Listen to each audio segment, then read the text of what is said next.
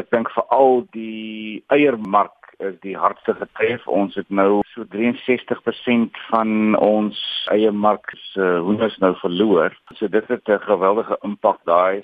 Jy sal definitief sien hoe vinnig uh, eierpryse opgaan nou.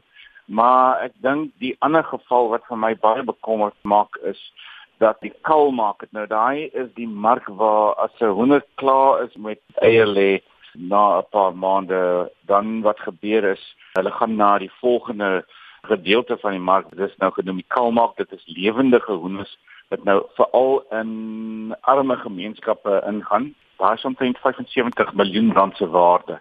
Daai is nou heeltemal weg. So daar is groot implikasies en dit lyk vir my dit gaan nog aan.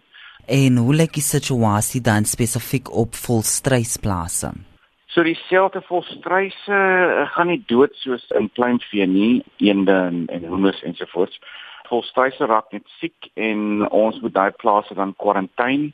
Ons laat dit nie toe dat volstryse kan beweeg dan en dit is 'n geweldige groot gedeelte nou van die Weskaap nou dit beteken dat daai bedryf kan nie vorentoe gaan nie. Dit sit 'n groot handbreek op daai bedryf. So van die ekonomiese kant af is dit baie bekommerd daaroor. Julle het wat hulle noem 'n humanitêre verligtingprogram wat julle bekend gestel het. Wat behels hierdie projek?